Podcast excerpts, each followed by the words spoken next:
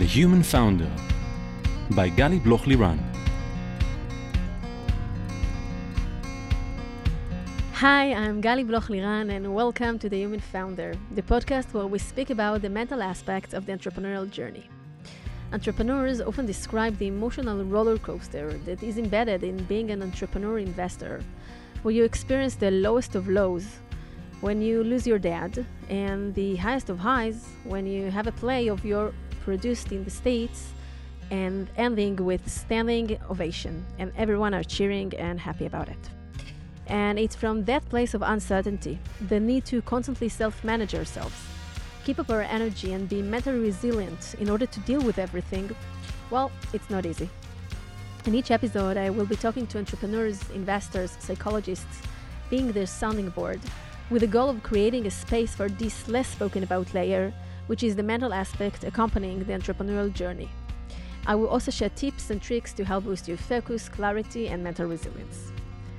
Today, I have the pleasure of speaking with Boaz Gaon. Hey, Boaz, and it's really, really great to have you here with me. Hey, Gali, it's great to be here. You're so cheering and smiling. I'm happy to be here. i have been following your podcast, and I'm happy that I'm sitting on this chair. So it's really exciting for me as well, as we, you know, for some time now working together. It's really exciting to allow you to share your story to all our listeners. So let's introduce you. Boaz, you're the founder and CEO of Wisdo, a leading in providing social health to 124 million Americans who self report recording breaking degrees of loneliness. You actually come to save humanity. People. Yeah, humanity from loneliness. You're also a playwright and a novelist, a proud father of two, and blues pianist whose neighbors have issues with his playing. That is so, true. so I remember that when I just um, met you, I was really amazed from all your talents and all the things that uh, you can do, and and found that's it. By the way, the no other it. talents. That's it. It's a sh- short list, but it, it stops being impressive. well, well, well, I think it's a short list that uh, uh, embraces so many things within it. Uh, but it's really amazing how, from being a journalist and a writer and novelist and, and a, a pianist and all those uh, creativity, and actually you're you're an artist, all those things how you uh, uh, uh, bring them into your entrepreneurship and into Wisdo. And we'll talk about it um, during our conversation. And I think that it actually emphasizes all the many, many aspects that you have as a person, as a founder, as an entrepreneur.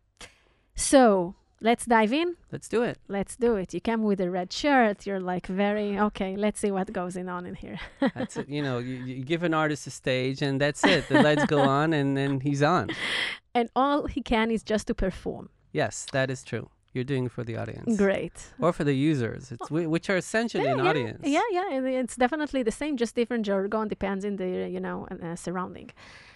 Boaz, take us to your uh, family, to uh, to where you were born, how you were raised, what happened in your family, uh, being a son to a very, very uh, well-known, familiar um, family in Israel that is part of the roots of the Israeli economy. And what does it feel like to grow in uh, such a family? Um, well, you know, like uh, people always say, we don't have the benefit of, of being born to different a different family, so it's very difficult to compare. But uh, yeah, I was born uh, in uh, a town called Ramat Sharon, which is you know a small suburb north of Tel Aviv. For those of you who do not live in Israel, um, my father was a very well-known businessman uh, by the name of uh, Benny Gaon, G-A-O-N. If you if you want to look that up on Google. Um, my my father was CEO of a company called Koor. Uh, at some point owned about 20% of the Israeli economy when the Israeli economy was still um, socialized or partly owned by the government, and he led the transformation of that company and you know by proxy of the Israeli economy from economy that is socially owned to economy that is you know free market. Um, he took that company on uh, when it was in a very difficult position, left the company when it was one of the most successful companies in, in the country, and then started his own holdings company. So, um, yeah, I, I grew up in that environment. Um, I was. Um, like most uh, sons, not that interested in what my father, you know, was doing. But he was always, you know, a very um, charismatic, um, powerful, well connected, funny, warm individual, uh, and I think that partly what we're trying to do at Wisdo, uh, know, what I'm trying to do as Wisdo's founder and CEO is to emulate um, a uh, manager's ability to be not only a leader to the people that he worked with, but also um, not lose the fact that these are people at the end of the day and, and they need support as much as you do. But wait, I, I won't make it that easy on you, you know? We'll No, get to getting down the road. We'll get Wisdo. Wait, wait a second. So that's dad, and a bit about mom and your brothers, and you're also a twin brother. So Yeah, you have it um, all. I have it all. I have some of it. Um, my uh, yeah, we're four children. Uh, I have a twin brother. His name, his name is Yoav. We're not identical at all. He's very different from each other. We're also very similar, but um, you know, you wouldn't know it from looking at us. He's you know much more tall and, and athletic and attractive. Um, I have an older brother who's also uh, you know fairly known in, in the world of business uh, and in the worlds of advertising and political uh, strategy. And I have an older sister. So all all in all, we're four people, um, very different from each other. But um, it's interesting to see how you know what what are the junctions where all of us are very similar. Um, my mom is still around and, and you know love her to, to death. She's 87. She just called on uh, record. on record, um, uh, a feisty uh, Greek uh, woman uh, who came to Israel when she was six years old uh, from from the Holocaust, um, and yeah, and that's the family. Um, my uncle is a well-known singer. Uh, I'll just throw that in. But yeah, I've, You I've- had to. I had to, and he's great, and he's a great guy. So it's like um, many of the people of your family, you're talking about your dad and your uncle and your two brothers, uh, each one in a different uh, uh, arena, like all practicing key performance in different areas of their life, whether it is on business, as in a singer, whether it is in the, uh, uh, the political world, whether it is on the sports court. Everyone are like uh, practicing key performance all the time, and you're growing up in this uh, family, and you're choosing uh, to pave a different path, which is also very much a key performance, but a totally different, more um, uh, vulnerable, let's say, Mhm. more uh, uh, uh, connected to its uh, feelings, more creative in a way because you create and you choose to write and you choose to uh, have a, a plays and you choose to write a book and, and, and you choose to play and take us a little bit there. How, how growing up in a family which is so, uh, you know, uh, the business is so strong in it um, and this is like the way that you're supposed to be growing, but you're choosing your own path and, and what it entails within it by doing so. Uh, Yeah, I mean, it's interesting. Uh, uh, it's true that we were um, and are a very kind of high achieving uh, family. Uh, and our, you know, our um, Friday dinners, uh, when my um, father sat at the head of the table, very, you know, paternalistic uh, kind of um, a manner of the uh, Lord of the Manor, uh, you know, environment. Um, the conversation was essentially um, about all of our achievements in the past week, uh, and all of us had to. It was your weekly, actually. yeah, it your was weekly yeah, family it was. It was. It was. A, it was a board essentially. a board. Uh, uh, a because he board. also he was chairman of the board, and we were all members of the board. Um, and um, it's an interesting way to put it. Yes, it it is. It's in a very interesting family, um, but very lovingly, and you know, a lot of jokes and a lot of humor. But I, I think it was very important for my father um, that all of us, um, you know, m- leave our mark uh, and contribute something to humanity that we that we care about. And yes, it is stressful, and it, there's pressure underneath, and there's competition underneath, including between brothers and sisters. Um, but um, I think that um, as long as parents uh, are able to give their children the freedom to pursue whatever they end up deciding to pursue that they feel they can excel in, uh, regardless of what that is, um, then then I think that's a good thing. I think the problem starts when it's not necessarily I want you to succeed and I want you to be very successful. But in this way. yes, I want you to do what I did or what I Mhm. think that you should do, regardless if, if you're going to be successful or not. Which which I think where misery um, is is very commonplace. Mhm. Um, uh, i- i- in my case, uh, my dad um, very much wanted to be me to be a lawyer. Um, I really did not want to be a lawyer. Um, and at the end of my first year of law school, um, I announced that I'm going on a break, uh, which is still going on. Um, kind of, kind of. Oh, well, who knows? Uh, no, Depends. no. Depends in in whose eyes, you know, this kind of break. Uh, uh, it's uh, at this point at no no one's eyes. Uh, it's it's very clear. That, uh, it became very clear that this is not for me, and yes, it was it was hard for him. Um, but um, again, credit to him to give us to be in a place where all of us grew up understanding that doing something that you don't like um, is going to lead to you doing something that you're not great at, which is going to lead to you being very unhappy. So there's no nothing to be gained, uh, and I think that as soon as he saw me becoming, you know, fairly, um, you know, successful is a strong word, but but, but fairly successful uh, as a writer and as a journalist and investigative reporter, and you know, and and, and the stuff that I did, uh, he became very proud and. And just to complete, you know, the the Freudian um, legend here. Obviously, his father is a writer or was a writer, and his father was an historian. And I think, uh, and his brother is a singer and an artist. So I, I think something went on there where he um, was concerned that this life, um, this life that he didn't know and didn't pursue, even though he, he did have some artistic, uh, you know, tendencies, um, is not a world that he can he can control. Um, Mhm. So he can ensure my happiness in that world. If I stay close to things that he knows more about, he would be able to be more influential and make sure that you know at least I'm not going to be, you know, I'm not going to starve. So uh, I think, But I- you're describing it like very rationally, and and I hear it, Mhm. and I hear you.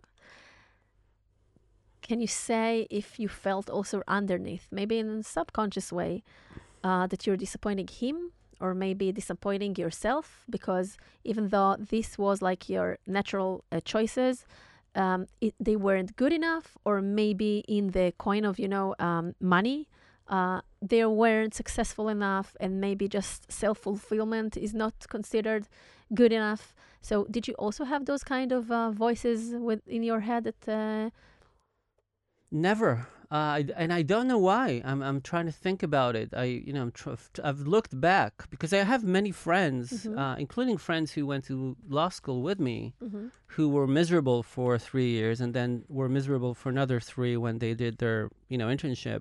And then like 15 years after, they, they went back to studying that thing that they knew that they care a lot about. And, and I never, I was never in that place. Um, not clear to me why.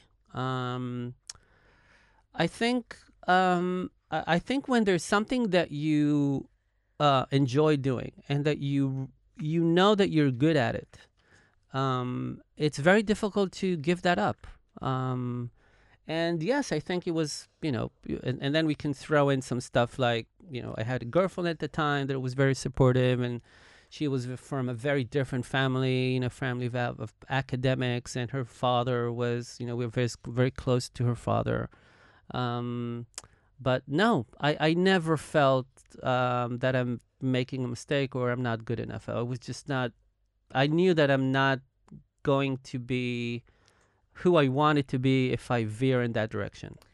I love hearing it, and I think that one of the things that really uh, comes out of you and, and knowing you uh, deeper than just this conversation is uh, your stamina and how connected you are to your inner self and, and navigating this world um, by really being authentic and true to who you are and not just for the external expectations and what other people think that should be or should happen but really really creating your own path and really believing in what you're doing and being authentic uh, about it without being cliche Mhm. and that that also gave you many credits later on and many successful um, moments uh, but it requires a lot of inner belief and, and, and stamina and, and resilience in order to be able to deal with this outside world that uh, where money uh, has a, lo- a strong voice in it and, and external expectations and governmental issues and business world and etc and it's like many many um,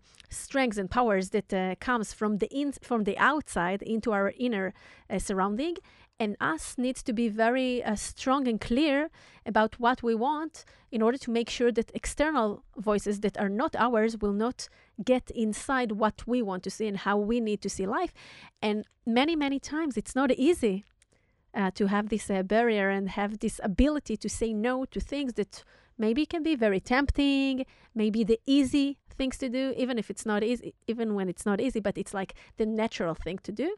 And it requires a lot of, uh, you know, being uh, with a self confidence of who you are and how do you want to live life. And I think that over and over during life, there are all the time those uh, tests, you know. Once Mhm. again, you ask yourself, am I still continuing in this way? Am I still true to myself? And every time from the beginning, you're confronting it and have to look inside and really feel that it's still true for you. So uh, I'm going to say something that is maybe unfair, and maybe um, I don't want to be cruel uh, to everyone who's listening. And, and you know, believe me, I, I've had my share of compromises, like yeah, all of us, because we Of have to live in the real world. Uh-huh. But I firmly believe that if you take a human being Mhm. and you put him in a in a room and ask him or her, regardless of of money, regardless of circumstance, do you know what you want to do in life? Mhm. Do you know what will make you happy if you are if you pursue it? And even if you're mildly successful, that you're going to thrive. I think that close to 100% are going to say yes. And that that that thing um, is something that they have, have identified when they were young. And then it's a question, and, and that is, I think, where our role as parents uh, kick in is, you know, were there people in the world who gave them the license Mhm. to pursue that? Mhm. Um, so I don't think it's a matter of not knowing. I think it's a matter of um, a understanding that this that thing is real, and b uh, again this is where the bad news kick in that uh, life is short, um, and we will not live for long. Mhm. Um, and to have the guts to really go for it. but what what but what other alternative do you have really? You can say it because you're very in a high developmental uh, stage, you know, and, and very much uh, able to look inside and understand it. But not all people are in the same uh, consciousness level. And there are many people that don't feel that Mhm. they are either that they know how or that they are allowed to or that they have the guts even to go for it. So i am saying it like uh, with cautious because I, I really believe to, together with you that all we need is like one one person to believe in us right and to give us the hand and allow us. And by the way it's in different ver- uh, stages of life. It can be when we are children Mm-hmm. and it can be also when we are very execu- executives in very high level position or founders of startups or after ipo like when we are advanced already and also there we have our breakdowns and we need someone to give us the hand and help us to see uh, further Absolutely. but but um, it requires uh, i think deep level of consciousness and the ability to really attune to ourselves and and to have this conversation mm-hmm. with ourselves Um, I agree. Um, you know, or just fear of of losing this uh, one go, Mhm. um, which you know essentially is a, is a is a very good motivator. Um, you know, I, I've investigated the history of my family a little bit, and and you know, beyond the mythology of of uh, the Gaon clan, um, you know, behind it all, there's a guy who's my grandfather, my dad's dad, who uh, you know, was 20 year old years old when he left his um, home in um, Bosnia um, and and came to Jerusalem and, and wanted to you know save the the you know the history the Sephardic history of the Jewish people and started writing this 1,000 page book um, that you know no one eventually read un- until my my father and his brother came along and republished the book. But I think I think what my my my father and his brother saw in their father, uh, which is a use case of something who, who someone who was very talented and, and very driven, but didn't wasn't able to um you, you wasn't able to to implement his talent and his passions in a way that led to a, prof- a successful professional career Mm-hmm. Uh, is something that they were haunted by, and I think somehow that kind of um, you know became the DNA of the family. Mhm. Uh, even if I Like ended to up have a successful career in every path uh, you'll y- choose. you know, successful is also something relevant. But at- at least, at least do what you like Mm-hmm. and give it, give it your all. Mm-hmm. And you know, and and and understanding that the biggest risk is becoming bitter and feel, feeling that you've missed it. That is something that that I know that they were they uh, were and are. Um, you know, those of them who are still alive are were haunted by. Um, and I think that that is kind of have be- that that is why that has become a founding uh, kind of formulation for me and my brothers and sister. It's a very, very powerful um, uh, statement. I'm sure it's going to be one of the quotes of this episode. So you find you found yourself back then, and also nowadays, um, helping yourself um, to bring everything out through writing. Let's Mhm. talk a little bit about writing and the power of writing, both as human beings, but both as founders, and how it actually help us to reflect, to dive deeper, to understand where you're coming and where are we going. And if you want, also share with us a little bit about uh, Yoav and, and the new book that is in process. Yes, I, I love that book. Yeah, uh, um, happy to to talk more about that. Um, so um, r- writing writing is a fascinating topic, um, and you know we're, we're gonna have to have a few hours to discuss writing. But uh, uh, let me say a few uh, observations. First and foremost, the act of writing is something that um, allows you to practice what we just talked about Mhm. what do you really feel? What do you really want? Uh, what are you really facing? I mean, all these key questions are are things that um, manifest themselves in the act of writing. Um, so I think it's not coincidental that you know I was kind of obsessed with all these questions when I was young, and I ended up you know becoming a writer. The second thing that I said, this is something that I think founders should know too, uh, and and by the way, my in into um, you know the founders universe uh, slash jungle was uh, through working with uh, founders and CEOs on story. Mhm. Because the second thing that I want to say is that s- story is is a structure that is aesthetically profound and beautiful, and there's there's an architecture to the story. So, if you are one of those people who like, you know, the math of beautiful things, then you end up being really interested in things like story because you start to look at things and say, well, you know, um, in the you know 90 minutes of this creation, like in minute 12, almost always this happens, and and there's a hero, and there's a villain, and there's action, and there's obstacles, and there's conflict, and all these things suddenly you know start becoming something you notice, and then you say, well, let me see if I can do it. You know, it's like an architecture or someone who wants to build something or someone who wants to code. Um, so instead of you know being an engineer who builds a whatever recorder uh, in your in your shop, you start building stories. Um, and I was really attracted to that aspect of story, and I'm still am. And and I became a te- you know eventually became a teacher, of the fundamentals of, of story, and, and and someone who writes story themselves. Last thing I'd say again in the context of founders and I always say it, and, and, and I don't I don't know if people fully believe me because from the beginning of the conversation, I, I can tell that it's like music to my ears, and I can just keep on listening to you. First of all, you have a very, very calming voice. And secondly, because you have this uh, uh, phenomenon uh, ability to use words and I'm also very verbal, but you're a writer. Years so, of practice. So, yeah, so I need to practice more. so you really have this ability to choose. You're not thinking about it; it comes to you very naturally. hmm But to to use the right words that uh, knows how to play uh, emotions. hmm And this is also some. If we'll take it to the founder's world or the founder's universe, the way you uh, describe it. I said jungle. jungle. you said first of all universe, then jungle. So create a, a, Jungleverse, משהו כזה, something like that.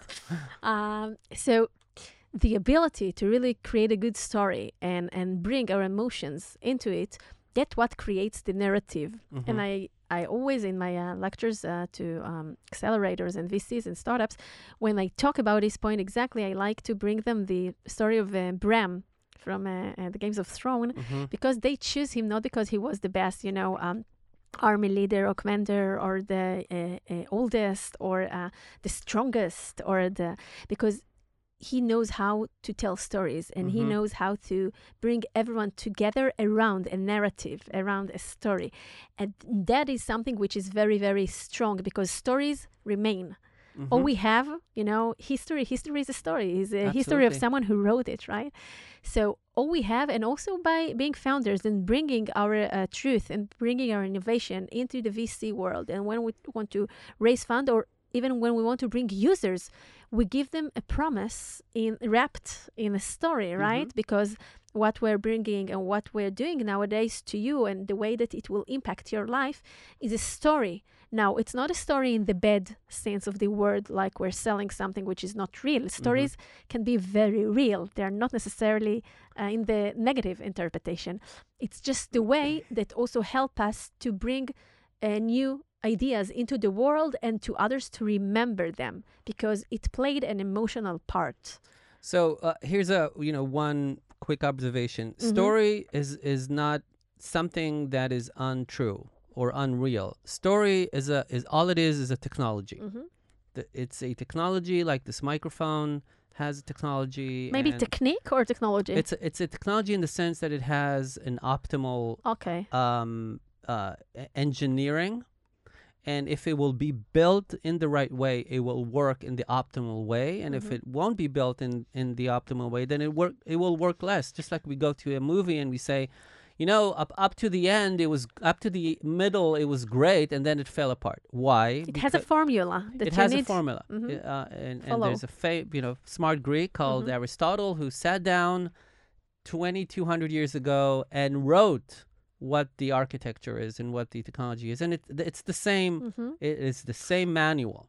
So I love those uh, observations of yours. yeah, I mean it's it's all credit to to to that genius Greek. Um, and you have Greek roots. so yeah, you know, yeah, it, you everything see? connects. You see, it's a story, connects. right? It it all all connects. He's my uncle, Aristotle. Aristotle Gaon. So back to stories. So, so, uh, so, uh, coming on of the, off Yeah. of that, just to say to the people who are listening, who may be founders, you can learn Mhm. how to build and engineer a well-crafted story. This is Mhm. not something that you need to be born with. Mhm. You might be n- a natural storyteller, but there's an architect. You know, much like you don't need to write code to to you know build a tech company.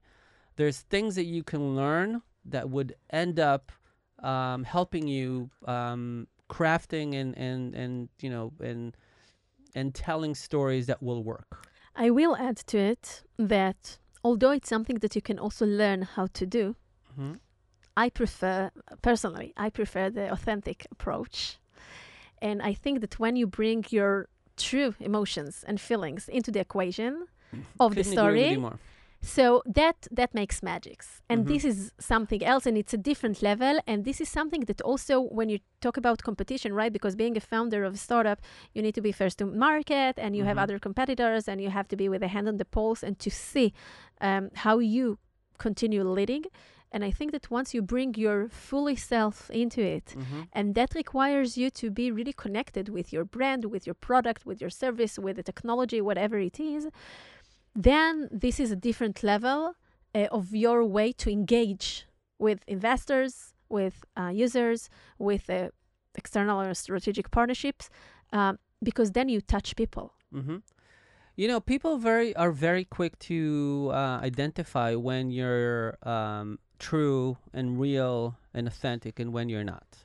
And I think you know, much like all of us would be attracted to someone who comes into your room and acts in a very natural and authentic way.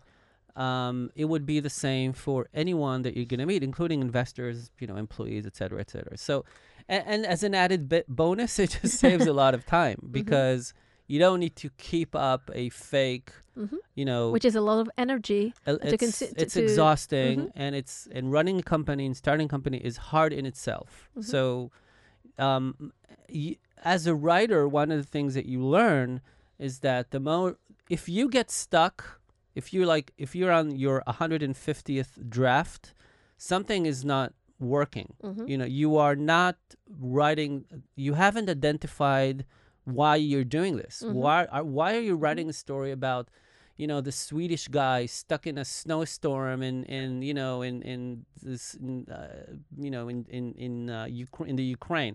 You're not swedish you're not you know ukrainian you grew up in a hot country you know you're not going to be able to write the story even even if you kind of convince yourself that this is true that you should be writing.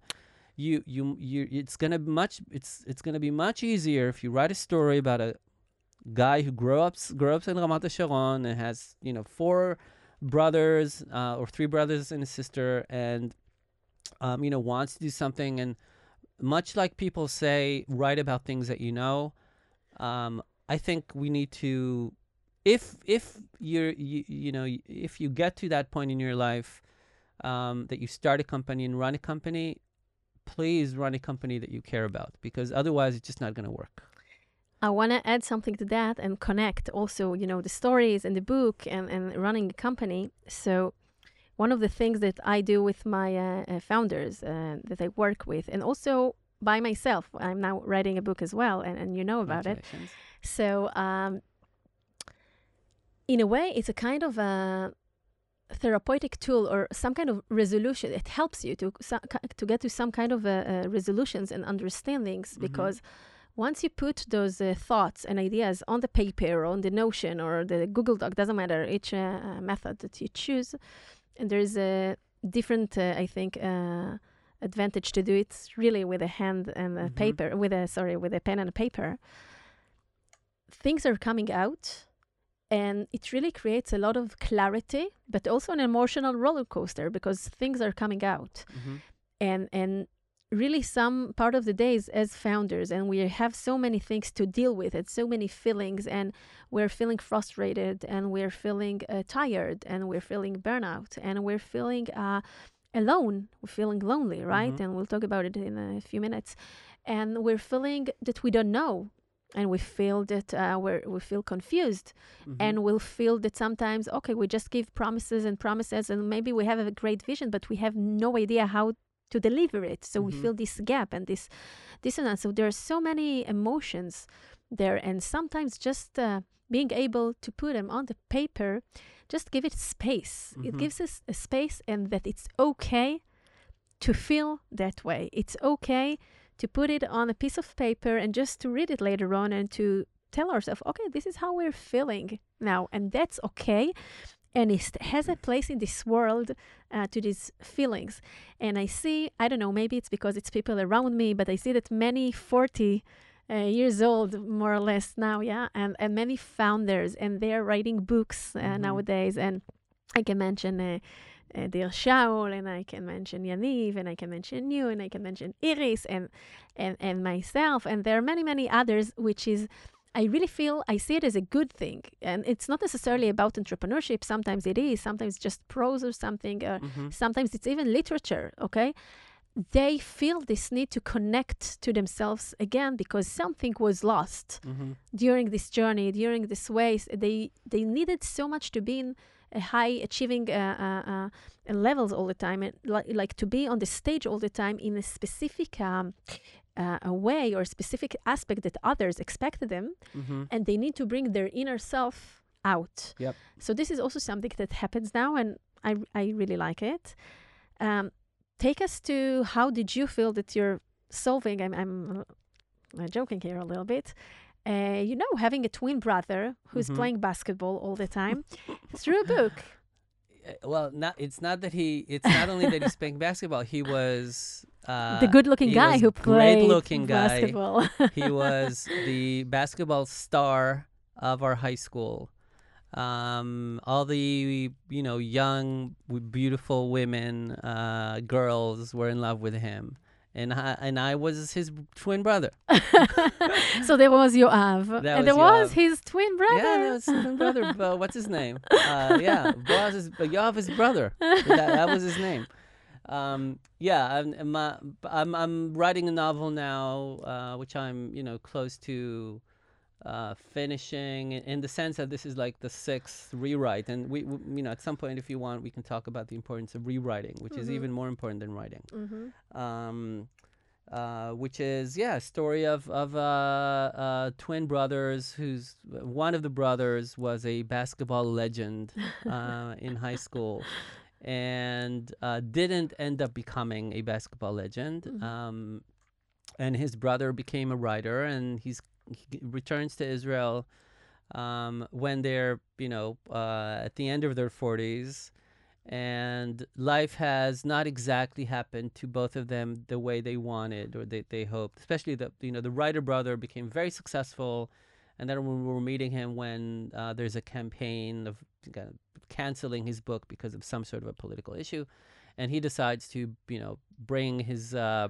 brother back to to the court um, and uh, so th- so that's the book it's called Yoav Yoav which is what the audience used to scream when Yoav was on the court, and, And his brother used to say, Yov's brother, Yov's brother. uh, yeah, and and, um, and no, but uh, but you know what? I think his brother sat in the audience and said, "Wow, that's really amazing that you can get an audience to that state." Um, and I think that's the genesis of of my uh, you know uh, writing slash creation creative career.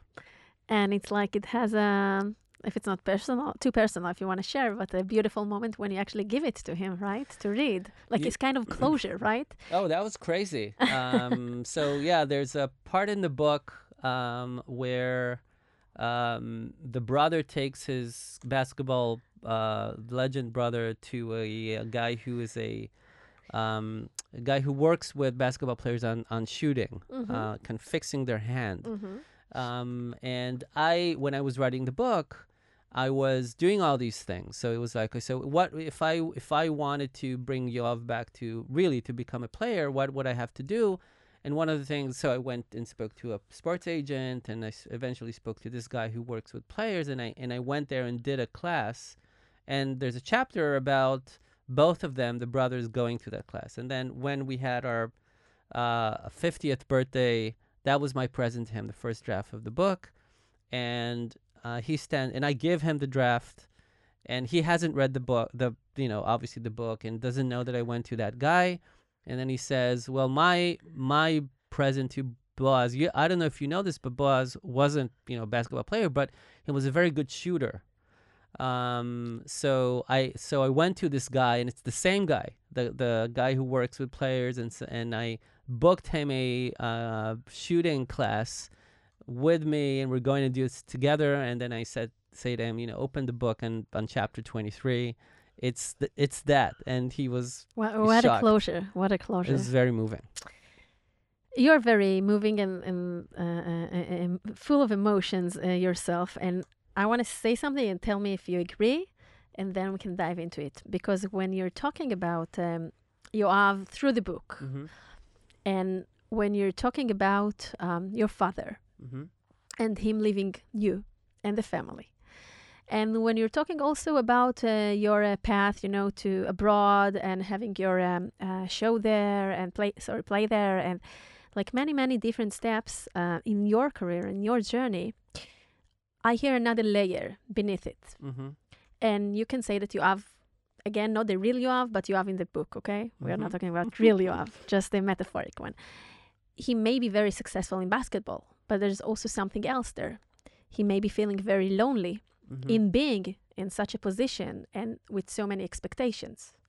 And when you're talking about your dad, so he's he may be very successful and leading the Israeli economy in a way, but there's also um, a, a, a gap there between his attendance at home and, Mhm. and maybe the loneliness that the people at home feeling. Mhm. And also, if you take it one step ahead, so uh, when he gets ill and, and you understand uh, that he won't be here for much longer, there's also another gap that opens there and another hole in the heart. And again, a feeling of loneliness. Mhm.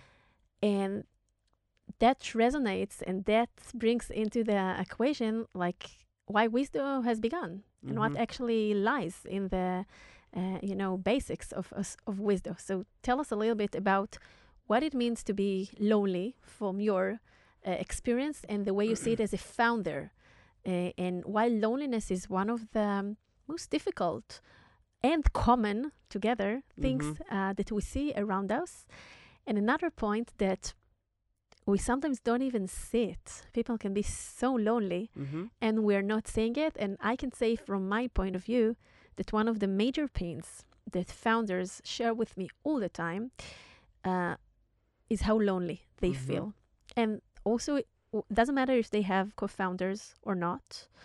Also, with co founders, and also when it's with co founders and strong and good relations, Mhm. they still feel very, very lonely because no one else, uns- uh, unless someone like them in the same position, can understand uh, the heaviness of this burden, of this responsibility, of this promise uh, to take uh, this company to greatness, to bring a lot of money and ROI to the investors, to manage so many salaries, to be uh, okay with what happens at home. So there's loneliness in so many levels Mhm. of our life. So take us to the loneliness uh, journey that Uh, you're trying to. Yeah, I mean, it, it's it's a fascinating um, world and a fascinating investigation. Um, loneliness is something that is often misunderstood, um, and we've stumbled into it. I mean, we started Wisdo a few years ago with a very kind of simple, um, you know, hypothesis of there has to be a better way to connect people to other people in a way that is different than what social networks do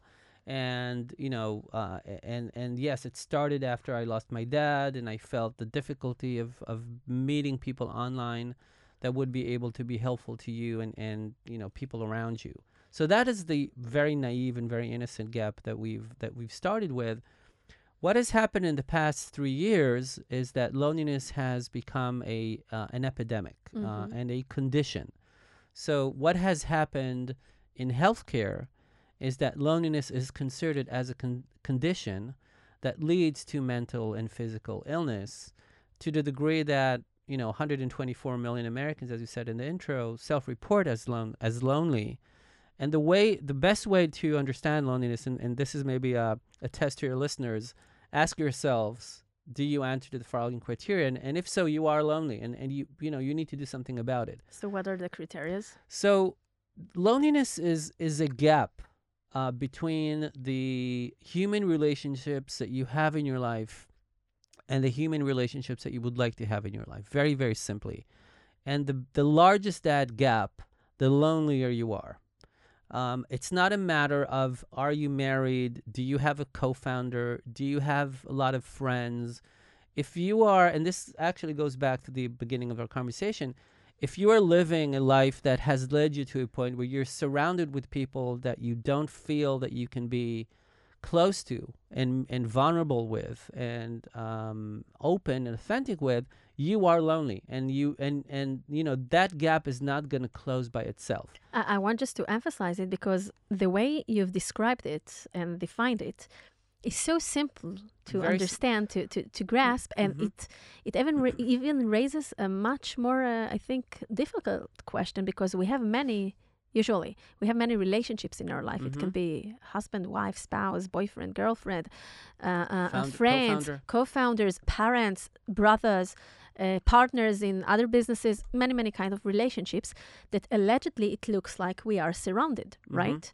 But what you're saying is actually identifying this gap between the relationships that you have Mhm. and the gap of how you really uh, aspire them to be, want them to be. I mean, you can have many relationships, but you don't feel present in them. You don't feel uh, uh, empowered by them. You don't. You feel alone within those relationships, and this is a very, very powerful um, uh, thing to understand. Exactly. I mean, the, the, the, the opposite, if you want to see a bad example, again, it, it goes back to the idea of social networks, Mhm. where you are introduced to people based on how popular they are, provocative they are. Mhm. You you won't open up to them if something you know very very personal is going to open up uh, and happen in your life because you know you would you won't feel that you are um, safe doing Mhm. that. Um, so um, uh, the the the interesting development from a business perspective is that um, in the since that has grown into an epidemic, uh, and that's the, and, you know the number of lonely people, at least in the U.S., has grown 13% since 2018. It's 60% of people 18 to 65, and 30% of people uh, 65 and above self-define as lonely.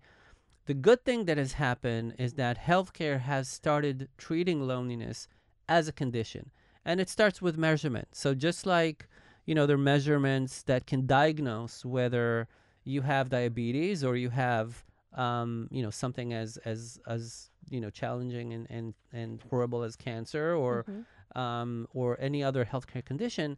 There's uh, a measurement that has a been developed over the past decade and b is now implemented across healthcare that you can take and that the answer is going to diagnose you as either not lonely lonely or severely lonely. A question Yep. as a loneliness uh, uh, professor, expert. Like in the song, and um, please forgive me if I'm confusing the words because I usually do it, but like all the lonely people, where do they all come from, right? Yeah, These are the words, something like that. So, exactly the words. good one to me. Usually it's not. Mm. So, was it always like that and we didn't speak about it or we didn't see it or No. there were less digital platforms to see it or that nowadays it went really bad and it's, It's never been severe? this bad. It's never been this bad in the history of of the human race.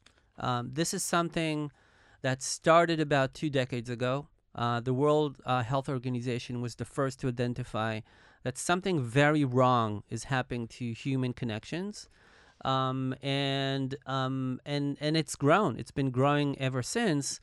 A turning point um, in the ability to treat it um, and, and you know, and, and, and eventually, um, you know, financial implications come into play as well, is when healthcare also identified that the differences between someone who is lonely and someone who's not lonely are anywhere between two thousand to ten thousand dollars in additional medical costs because of mental and illness, mental and physical illness conditions that could have been prevented if uh, a social health protective measure would have been available to that person in the right time.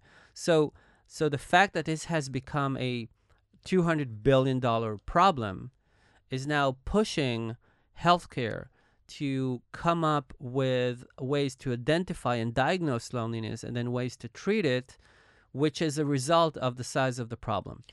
allegedly allegedly it's it seems like something um, simple to help decrease the level of loneliness right you can ask your uh, colleague or your the, the, the person who sits next to you uh, in the bus or on the airplane or in the neighborhood how are you how do you feel can i help you with something Do you know a lot of people who do that? so allegedly it's something very simple and even very human right Mhm. uh, we're in the human founder like very very uh, even expected to do but what happened to us as society that it's not happening enough and that you're talking about a two billion dollar comp- Two uh, uh, problem two Mhm. no two billion uh, dollar problem for uh, uh, uh, uh, caregivers um, that can actually decrease it through digital platforms to other solutions because we as human Mhm. don't care anymore No, I think I think uh, you know there are various there there are at least five trends that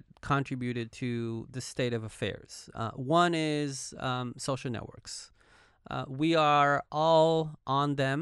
We all go to them to form healthy human connections in a product that was not built mm-hmm. to help you feel more connected. It was built to sell ads. Mm-hmm. Um, so the fact that we all go to a solution that wasn't built for that is part of the problem. And it's even getting worse, right? With the metaverse. It's really even increasing it. No. Uh, you know, let's see what happens with with the metaverse. Uh, I I don't I don't know if it's going to be that um, you know common spread. It it still feels like more of a you know gaming game you know, gamer kind of thing. And may, may and- by the way, that that might be a good thing because you know maybe there's going to be a community of gamers of people who get to know each other and have deeper connections rather than something that um, you know hundreds of billions of people are expected to use. Well, I just I just had Natalie Zohar here discussing about the metaverse, and we spoke about the mental aspects of it, and it's really something to observe and to Mhm. see where it's going, because definitely the human connections is something that will be needed to to be addressed in a Mhm. very uh, different manner. So you said five trends. So one is the social networks that Mhm. actually. Uh, uh, uh, it, it- allegedly, it's supposed to create a community and bring us together, but de facto, it's the opposite. The- the- the- you know, there there are two decades worth of research into how um, social networks um, decrease a sense of feeling Mhm. connected and decrease mental health.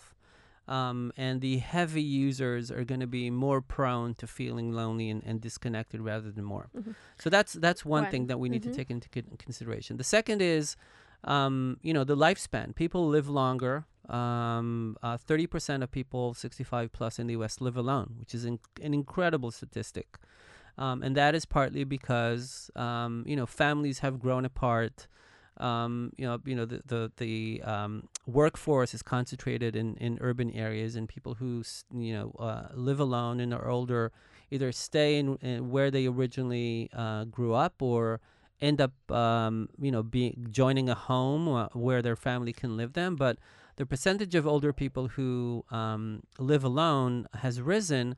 And then what has also risen is just overall health. I mean 40% of the us population has a chronic condition uh, and that has also always uh, not not has been the, not has been the case for for the past you know 50 years um, and loneliness coupled with an existing chronic condition uh, is a comorbidity situation that can aggravate a sense of feeling alone and also end up accelerating illness. Um, so this has not suddenly come up. This is Mhm. something that humanity has uh, essentially drove itself into a corner um, until a point where the financial institutions that are expected to pay the tab for all this all these trends primarily health insurance companies and employers who who pay the price for their employees health are saying we can lo- no longer afford this we need Mhm. to do something about it and we're willing to invest money um, just like we're investing money in people's physical health we need to to invest m- money in their social health and that's where Mhm. Wisdo kicks in So actually, um, you took your why and your life experiences and the dif- the things that actually uh, shaped uh, uh, you, and you brought it into Wisdo and what you're actually trying to do. So um, we we took a look at the, that question that you just asked, which is what what what are the provisions of social health? What what are the aspects of human connections that can help people feel socially healthy, supported, and not alone? Uh, and it turns out that there's been um, research into that question. Uh, we're working with one of the world's um, big biggest thinkers in the world of loneliness, the guy who actually co-developed the UCLA three scale Mm-hmm. which is the standard litmus test for measuring someone who's lonely or not lonely, used by, you know, global healthcare institutions. And Professor Dan Russell, who's a great guy, by the way, he's Iowa based, one of the sweetest people in the world, not only identified in way in the 60s and 70s when he was a young researcher in UCLA, which is why it's called the UCLA 3 scale, he kept on working to say, well, let's see, um, based on your UCLA diagnosis, what are the specific provisions that can lower uh, loneliness v- as quickly and as effectively as possible? And it turns out there are four provisions. Mm-hmm. One is emotional support. So if you're surrounded with people that are not offering you emotional support and are not saying things and practicing things like, you know, saying, I hear you, I see you, I care about you, you will not feel emotionally supported and you will feel alone. The second is a sense of worth. If you are surrounded by people who constantly remind you that you're not good enough, you will feel more alone. The third is, so, is a sense of belonging. Uh, if you feel that you're not in the right place, you have a thousand friends, you have a million friends. If you think that you're not um, part of that community. Um, you should be in a different community, then you will feel alone. Um, and then the fourth, uh, which I love, by the way, uh, is called Reliable Alliance, which is the whole idea of that of internalizing that there are people in the world that you can help. Uh, somewhere in the world, there are people that are counting on what life has taught you, and and they can benefit from your type of support. If you can introduce these four provisions into the type of human connections that you are making, and it's yeah, I think everyone's listening is saying, well, that is the furthest from Facebook and TikTok Mhm. uh, possible. Then you will move people from you know nine from nine on the UCLA three scale to three, and end up you know saving anywhere between two thousand and five thousand dollars a year, and that is what we do.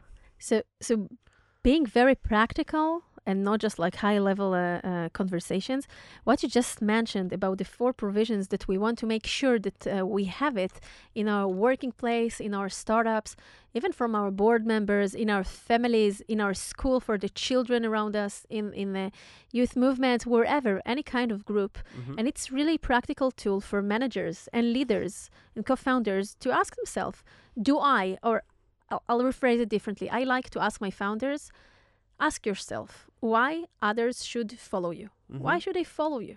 And ask yourself as a founder, as a CEO, as a C level, or even if, as a, a senior or a manager, do I allow emotional support Mhm. to my people?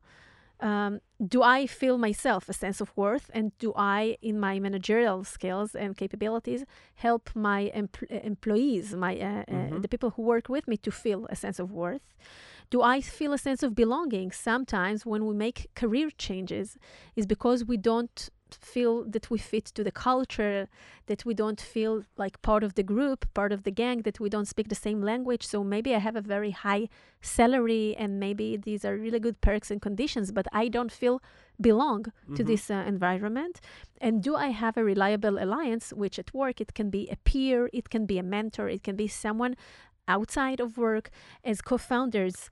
It's my co-founder if I feel that I can rely on them and he's here for me. And these are really, really practical advices and tools to ask ourselves in any surrounding do they happen? Do I have it? Do I, in the way I lead, give it to others? Because it's a, a two two ways uh, two way street to see that I provide it and uh, that I gain ga- gain it, and it's really really um, uh, powerful. Boaz will soon hit the pause because um, I want to to allow our listeners uh, the ability to That's it when we take a few calls from our audience.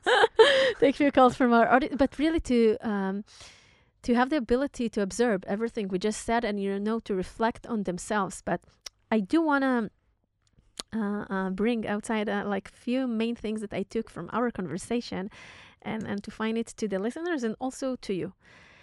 One of the main thinkings is just as simple as that, just to be kind. You know, to be Mhm. kind first of all to ourselves, but also to the people around us, to our family, partners, co-founders, employers, employees. To be kind, we forget a little bit to be kind because we're stressed, because we're so it's so hectic, because there are so many high expectations, and we forget to be kind. And I think this is one of the basic things that can help others not to feel lonely. It can be Mhm. to someone in the street, and it can be in the workplace.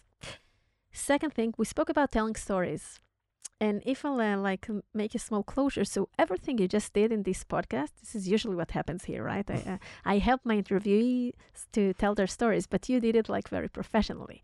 And it's just not telling the story; it's also the other point of uh, uh, um, bringing your emotions into Mhm. your conversation because you came here not as a storyteller, but as a founder, right? Because this is the Human Founder podcast Mhm. but also in your uh, uh, um, uh, startup, you bring your whole self into it. And I Mhm. think this is what b- makes it very, very uh, powerful. Um, and also, another thing that I no- noticed, and this is another beautiful tip uh, to you, the listeners.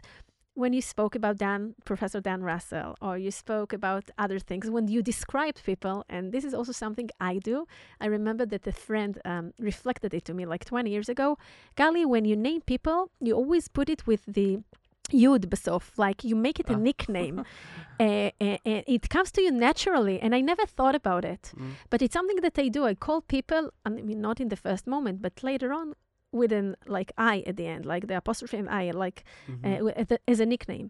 And it comes from a sense of warmth and really loving people. And it makes the other side feel in totally different place and it makes him softer Mhm. or he or she depends. And that creates a different uh, environment. And you do the same when you say he's really sweet, he's very nice, he's really, um, uh, uh, uh, he likes know, to complain about the weather every time but that we chat. you really uh, give a lot of credit in an emotional, nice way uh, to the people you talk about, Mhm. and that creates warmth in our leadership. It allows us to be more vulnerable, and it also allows the other person to feel uh, uh, belonged, hmm belonging, that he's wanted, that Sense you of worth. Exactly. So all these uh, uh, provisions that you mentioned, we don't necessarily have to think about them, just to implement them into our, you know, uh, uh, uh, day to day, to insert our emotions uh, into the conversations. Uh, I want to uh, say something as Sure. a founder, Yeah. uh, just because I know my people. Yeah. Uh, let me let me uh, uh, say the following.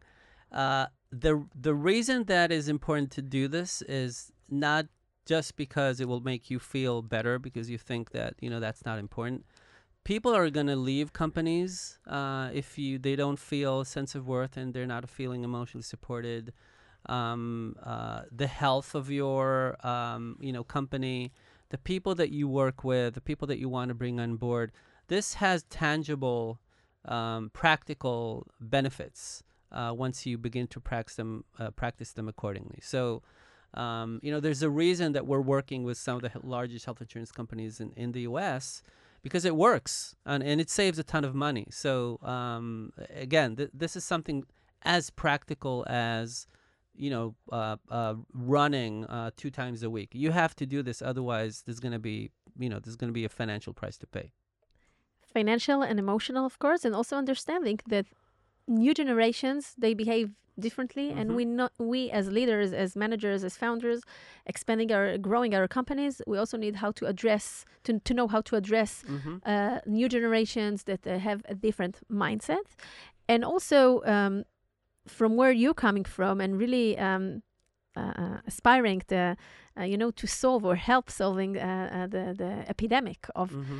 loneliness in the world which is a silent one because we don't speak about it too much or we don't necessarily feel it until it touches us or someone who's close to us Mhm. and then and then all of a sudden we feel it I And I- actually think that all of us feel it. It's just that we don't acknowledge it as a condition. I, I agree. I agree. And we, we're not allowing ourselves Mhm. necessarily to speak it out loud.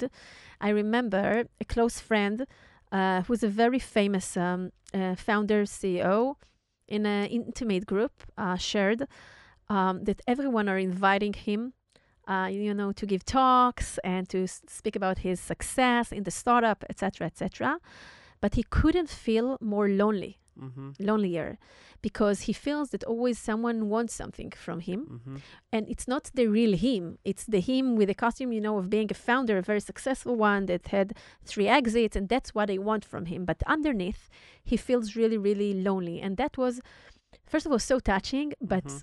uh, hel- allowing himself to bring himself in this way into this group was very very very powerful and this is actually my um, wish uh, to you whether you're founders or leaders or regular people with any title, just as persons, you know, first of all, be kind to the people around you and see a little bit deeper, uh, the, you know, the surface. Look a little bit deeper than just the surface. Every one of us suffer from loneliness in different areas. It can be in our, uh, you know, uh, uh, um, uh, intimate life. It can be in our parenthood. It can be in our friendships. It can be in our uh, working environment just to be a little bit more uh, gentle and, and, and see it and, and, and just reach your hand uh, to other people uh, can really, really make a, a difference.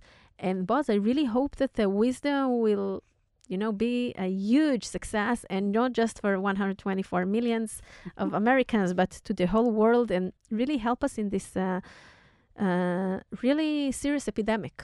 Yeah, well, we're on it. Uh, we're, we're doing our best. Um, it's doable. I mean, it's it's again. Uh, uh, I, I think the only thing that was good about COVID Mm-hmm. is that it brought loneliness and mental health to really the forefront of uh, you know healthcare's concerns and there's a real attempt now to solve this problem, at least scale it back. I, I always say, just the last comment, that it's um, the the closest thing that I can think about in the context of loneliness is is is climate. Mm-hmm. Um, you know, suddenly we woke up and and looked around and said, you know, the world is is going to pieces, and we need to a understand why this happened, and b understand how this can s- be scaled back, and b invest resources in scaling it back. So, humanity um, has took a turn um, for the worst in terms of the um, health uh, in in you know human connection making. Uh, that thing that has always been why culture has either prospered or or died, and and the only good thing is that COVID, you know, helped us under all understand that we are not islands and we are connected to other people, and and the health of those relationships is something that needs investment. And although we said that uh, social networks were not designed uh, for uh, connections but for ads, but um, with with technology, we can make this leap and we can help you know bridge this gap Yep. of loneliness of people around the world and and they're definite it's definitely side by side with the challenges it's definitely an exciting uh, time to be living uh, in Mhm. which thanks to technology and, and different uh, uh, mechanism and algorithms that we can put into it we can really help solve major problems Yep. so thank you first of all for coming and My bringing pleasure. your uh, all and, and sharing and i really loved it how everything like connects you being a writer and you being a founder and and you have this unique family to speak about and find your own voice within it so to me everything is connected so really thank you for uh, sharing it Thank you. I really enjoyed the conversation, and and you know, credit for what you're doing. It's hard to be a founder, and it's hard to be human. So uh, you know, the fact that you're helping people be, do both is pretty amazing. Thank you. People who wants to reach out to you or to Wisdo or to invest or to work with you, where can they find you? Um, just email me, uh, Boaz, B O A Z, uh, at wisdo, W I S D O dot com. So guys, don't forget to be kind, to write your stories and, and, and really to, to choose your own path and go for it and not necessarily what everyone else are expecting you. To our lovely listeners, we're going to hit pause until the next episode. That's also something I say to the entrepreneurs in my clinic in between sessions, right? If you enjoyed listening, I would really appreciate it if you share the podcast with people who you think would derive value from it. Thanks to the amazing studios at Google Campus that allows me to record all this content in here. Feel free to visit my website at galiblochliran.com and leave there your details if you wish to be updated and learn more about the mental aspects of the entrepreneurial journey. Also, be sure to follow my podcast, The Human Founder, in any of your podcast apps, and to raise to rate it so it will rise to the top and continue to deliver all this uh, content to you. Let's hit pause till next time. Thanks, Boaz. Thanks, guys. Ciao.